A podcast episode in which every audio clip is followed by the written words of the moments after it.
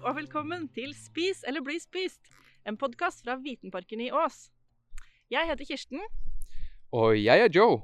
Og i denne episoden så skal vi snakke om trær. Men ikke hvilke som helst trær. Vi skal snakke om eh, et tre som de aller fleste av dere der ute antagelig har sett, nemlig furutrær.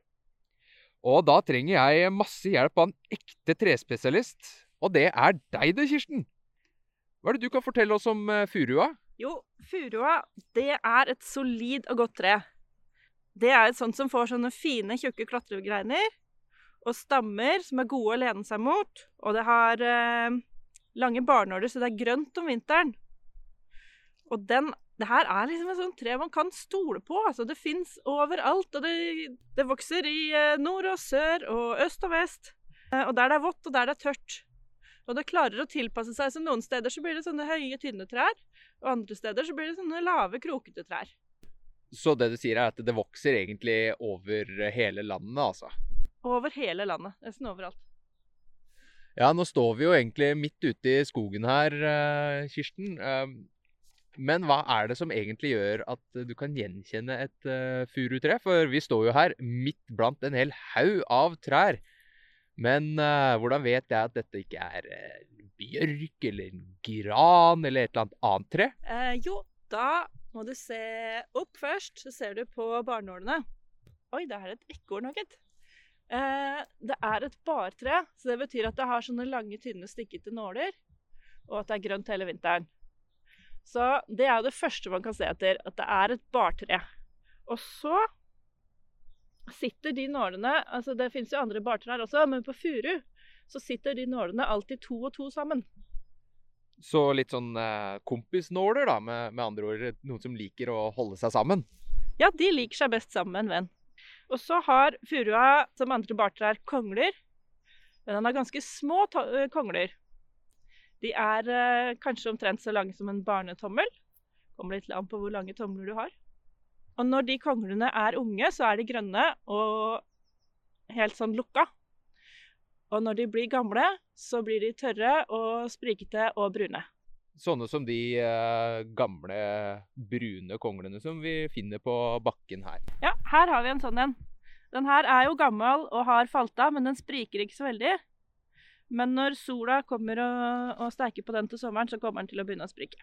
Ja, se der, ja. Så under furutrærne så ligger det ofte fullt av sånne kongler på bakken. De har du kanskje sett, ikke sant? Ja, sånn har jeg sett det mange ganger. Altså, det ligger jo kongler strødd rundt oss her nå også, for så vidt. Det gjør det. For når de har uh, sluppet frøene Konglene er jo der hvor frøene sitter. Når, uh, når treet har sluppet frøene, så slipper de også konglene. Så må vi se litt på barken.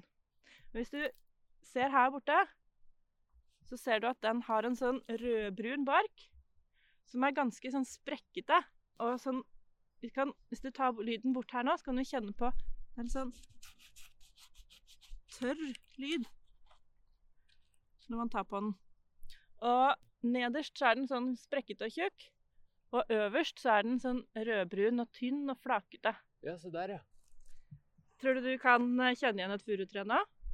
Ja, jeg tror hvis jeg eh, rekker å få sett på nålene, som du sier, så tenker jeg at det er ganske enkle. For når vi står her nå, så er det jo de furutrærne jeg ser, de skiller seg jo ganske godt ut. Ja, ikke sant? De har den typiske veldig tjukke, sprekkete barken, og så har de de lange nålene som sitter to og to. Ja, se her, der er det jo uh, Blir rødbrun der oppe, ja. Helt der oppe. Ja, du ser det treet her, det har jo ingen greiner før Åh, jeg vet ikke hvor mange meter. Tror du det er opp dit før grenene begynner, da? Det er ganske høyt opp. Det er i hvert fall et tre det er veldig vanskelig å klatre i, da. Med mindre du er et, et ekorn, sånn som vi så i stad. Ja, der må du være god til å klatre. Men det er jo mange eh, dyr som eh, liker å klatre i furutrær, da. Hæ? Jeg ser jo ingen. Eh, Hvem er det du, hvem er det du tenker på da? Er det Vi så jo ekornet her i stad.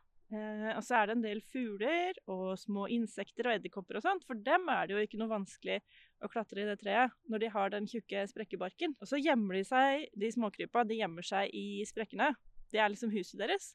Og de finner maten sin der, og de bor, de bor i de sprekkene, rett og slett. Ja, jeg henger meg litt opp i det ekornet, jeg. For som du vet, så er det jo dyr som er min greie. Det er det jeg liker aller best. Så men jeg har jo hørt at, det, at, man har funnet sånne tannmerker etter ekorn som har spist på, på disse konglene på, på, fra furua. Som er over 1000 år gamle. Hæ? Ja.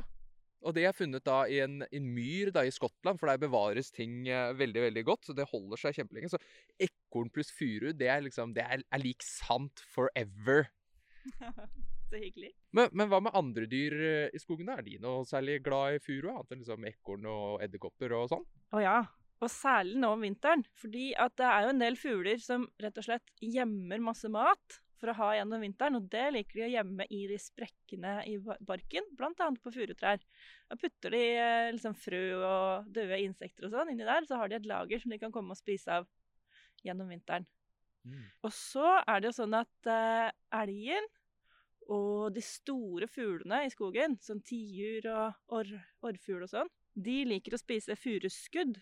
Altså helt tuppen på greinene. De nyeste nålene der, det liker de å spise. Fordi de er mjukest, da. Og lettest å spise på, rett og slett. Eh, og noen ganger så gnager de på barken også. For det er jo ikke noe særlig eh, å finne. Hvis du er planteeter i Norge om vinteren, da er det ikke så stort utvalg mat.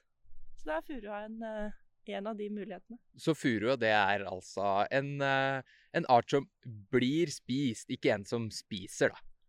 Ja, det kan vi slå fast. Furu blir spist. Det furu spiser, er jo rett og slett sollys, siden den er en plante som har fotosyntese. Det er jo ganske kult for en som meg, som ikke er så veldig god på sånn planter og, og trær og sånn. Jeg visste liksom ikke at eh, furua var så kul, men jeg lurer på en annen ting også. for at eh, jeg har hørt det at uh, trærne kan lukte fiender som er på vei. Er det sant? Altså, eller er det noen som har tulla med meg nå? Altså, trær har jo ikke neser eller noen ting, så åssen i alle dager kan de lukte at en fiende er på vei? De kan faktisk det, altså. Det er sant at de ikke har nese, men de klarer å oppfatte det likevel. Det er bl.a. noen forskere som har forska på furu og et insekt som heter furu barveps. Det de ser, er at furua ikke bare kan lukte at det er en fiende på vei. Den kan også lukte at denne fienden har planer om å legge egg på dem. For det er nemlig sånn at uh, dette insektet det legger eggene sine på furua, og så spiser larvene på furunålene. Men for å kunne legge egg, så må jo insektet finne en partner. Og for å finne den partneren, så skiller de ut et uh, luktstoff. Oh ja, så når de insektene har lyst til å få seg en uh, kjæreste, så bruker de rett og slett lukt til å finne denne kjæresten? Rett og slett. De, jo, uh, de kan jo ikke akkurat snakke, så de må gjøre det på andre måter. Og da Det er nesten som at de slipper en promp. så de, de, promper til seg en, en, kjæreste, altså. Men det er jo litt kjipt for det treet, da. For hvis alle nålene der blir spist, så da kan jo det treet dø. Så jeg skjønner jo i grunnen at eh, det er lurt for det treet å lukte at fienden er på vei. Men et tre er jo tre, det står jo bare stille her. Så hva skal den med den informasjonen? Hva, hva gjør den når den vet at det er en fiende på vei, liksom? Ja, det er jo sant det. Det står jo helt stille. Så da må den forsvare seg på andre måter. Og det treet kan gjøre da, er å sørge for at det ikke smaker noe godt. Så det lager noen stoffer i nålene sine som gjør at når larvene skal spise på dem, så er det verken særlig godt eller særlig sunt for dem. Og sånn eh, kan treet beskytte seg mot å bli spist. Rett og slett for at det ikke er noe attraktivt å spise. Ja, OK. Så det vi egentlig har slått fast eh, så langt, Kirsten, det er jo det at eh, furu det er jo et, tre som både er hjem og mat for mange dyr. Men her hvor vi står nå, så står det veldig mange furuer, og de ligner jo på hverandre. Og de her er jo planta av mennesker. Men hva er det vi mennesker egentlig bruker denne furua til? Hvorfor driver vi og planter den? Jo, vi kan bruke furua til mange ting. Blant annet kan vi bygge hus av det. Og vi kan tørke oss i rumpa med det. Nei! Jeg har ikke lyst til å tørke meg i rumpa med en kvist. Hva er det du snakker om? Nei, vi tørker oss ikke i rumpa med pinne, da. Men vi kan lage papir, og det kan vi bruke til å tørke oss i rumpa. Ja, det er jeg for så vidt uh, litt mer fornøyd med. At det finnes dopapir, så vi slipper å gå i skogen og finne en kvist hver gang vi må en uh, tur på do. Men uh, ja, enda et spørsmål. Hvordan er det de trærne egentlig blir til papir? Det man gjør, er at først må man felle treet, altså hogge det ned. Og så må man ta det ut av skogen og frakte det til en papirfabrikk. Og det som skjer der, er i hovedsak at treet blir malt opp og most til en sånn tynn grøt som man kliner utover, og så størkner den, og så blir det til papir. Sånn mer eller mindre sånn, da. Ja, OK. ok, ok. Det var litt mer komplisert enn bare en ostehøvel. Men sånne furuskoger som skal hogges, der er det jo bare furu, er det ikke det? Ja. Der er det store områder med nesten bare én art, altså furu. Og nesten alle er jo like gamle, siden vi planter dem på likt. Og så blir de ofte hogd før de rekker å få den fine sprekkebarken og bli eh, hjem til mange andre arter, da. Og det er jo ikke så bra. Ja, men er ikke, er ikke det bra at vi eh, kan liksom gå ut i skogen og vite at her er det furu, vi skal ha furu, så da hugger vi bare furu. Så slipper vi å reise rundt i naturen og ødelegge andre steder fordi vi skal ha tak i en furu som står her og en furu som står der. Er det ikke fint at det fins bare et sånt åkerlandskap med furu? Jo, det har jo sine fordeler, det er klart. Men så er det jo viktig, da, å passe på at man ikke hogger alt. Fordi døde trær er jo også levende trær, og det høres kanskje litt rart ut. Ja, det høres rart ut. Men etter at et furutre har levd i kanskje 200 år, eller kanskje over 700 år For de eldste furutrærne kan bli over 700 år gamle, og så dør det. Men da kan det jo være noen andre som flytter inn. Kanskje er det først en hakkespett som hakker seg i et reirhull. Og så bor den der noen år, og så flytter den ut, og da kommer det kanskje en ugle som flytter inn. Og så begynner det å vokse sånn lav og mose utapå, og sopp inni treet. Og det er biller som driver og gnager på det, og det er masse liv. Selv om, den, selv om selve furutreet ellers er dødt. Ah, ja. Så selv om treet i seg sjøl dør, så gir det liksom Det gir liksom kroppen sin videre til resten av eh, naturen, da, på en måte. Sånn at både sopp og planter og andre dyr kan, eh, kan leve av det som er igjen av det furutrøet. Ja, når, når du tenker på det sånn, så er det jo kanskje ikke så lurt at det bare blir høgd ned. At det står igjen noen, noen trær som gir eh, liv og husly til, til andre, andre dyr, altså. Ja, det er viktig. Uh, vi må passe litt på hvilke trær vi hogger. Og så må vi jo ha en plan. da. Vi kan ikke bare hogge ned trær. Vi må vite at vi skal bruke dem til noe viktig når vi først hogger dem. Synes jeg. Det er jeg helt enig i. Som eh, dere der hjemme sikkert har skjønt nå, så er ikke jeg veldig god på eh, planter. Så det er veldig fint at jeg har med meg eh, Kirsten her, som er en skikkelig plantespesialist. For jeg har nemlig hørt at det ikke bare er elg og tiur og hakkespett og sånn som spiser furu, men at mennesker også kan spise furu. Kan vi spise trær, Kirsten? Går det an? Altså, jeg har litt store fortenner, men jeg er da ikke noe bever. Det går faktisk an. Det gjør det. Vi kan ikke bare ta en kvist og gnage på den, da. Eller vi kan jo det, men det hjelper liksom ikke. Det er ikke noe mat i det. Men du har kanskje hørt om barkebrød? Ja, barkebrød, er det samme som pinnebrød, er det det? Eller, eller er det kanskje ikke helt det samme? Ikke helt det samme. Pinnebrød det er sånn deg deig som man snurrer rundt eh, pinne og steker på bål, ikke sant? Ja, stemmer det. Det er digg, da. Det er veldig godt. Men barkebrødet, da tar man liksom innerste barken på furua, man kan bruke andre trær òg, og maler opp til et mel.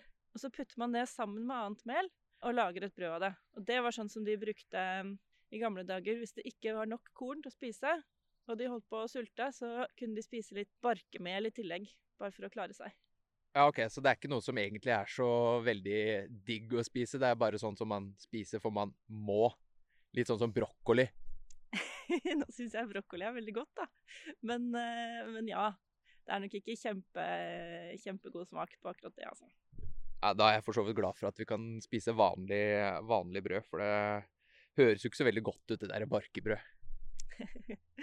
Nei, men det er jo bedre å ha noe å spise enn å dø av sult. Men hvis vi kan, men kanskje ikke vil spise barkebrød, er det noe annet vi kan spise eller gjøre med dette, dette treet, da, som vi kan fylle magen vår med? Eh, ja, det kan vi. Jeg vet ikke om du har smakt furunålte eller furukonglete? Nei. Nei? Nei. Det kan man lage. Man kan ta de grønne nålene på furua og lage te av det, og det samme med de grønne konglene. Det smaker ganske godt, og så er det sunt også. Det har masse C-vitaminer i seg. Det er jo et kjempegøy tips, da. For da er det jo bare for uh, lytterne våre å komme seg ut i skogen og ta med seg en termos med varmt vann. Og så plukke litt furunåler og litt grønne kongler. Og så er det jo bare å brygge seg en deilig kopp med te. Ja, det er perfekt å gjøre f.eks. om vinteren når det ikke er noe annet spennende man kan uh, plukke. Da er det i hvert fall uh, furua der til å stole på. Det er jo perfekt. Men det var alt vi hadde for i dag. Da har vi altså lært masse om furutrær. Eller i hvert fall så har jeg lært masse om furutrær. Og om du fortsatt er nysgjerrig på hvordan du kjenner igjen et furutre, eller kanskje du trenger noen tips til furutreaktiviteter, som vi har valgt å kalle det, ja, da finner du fakta og aktivitetsark inne på hjemmesidene til Vitenparken. www.vitenparken.no. På gjenhør!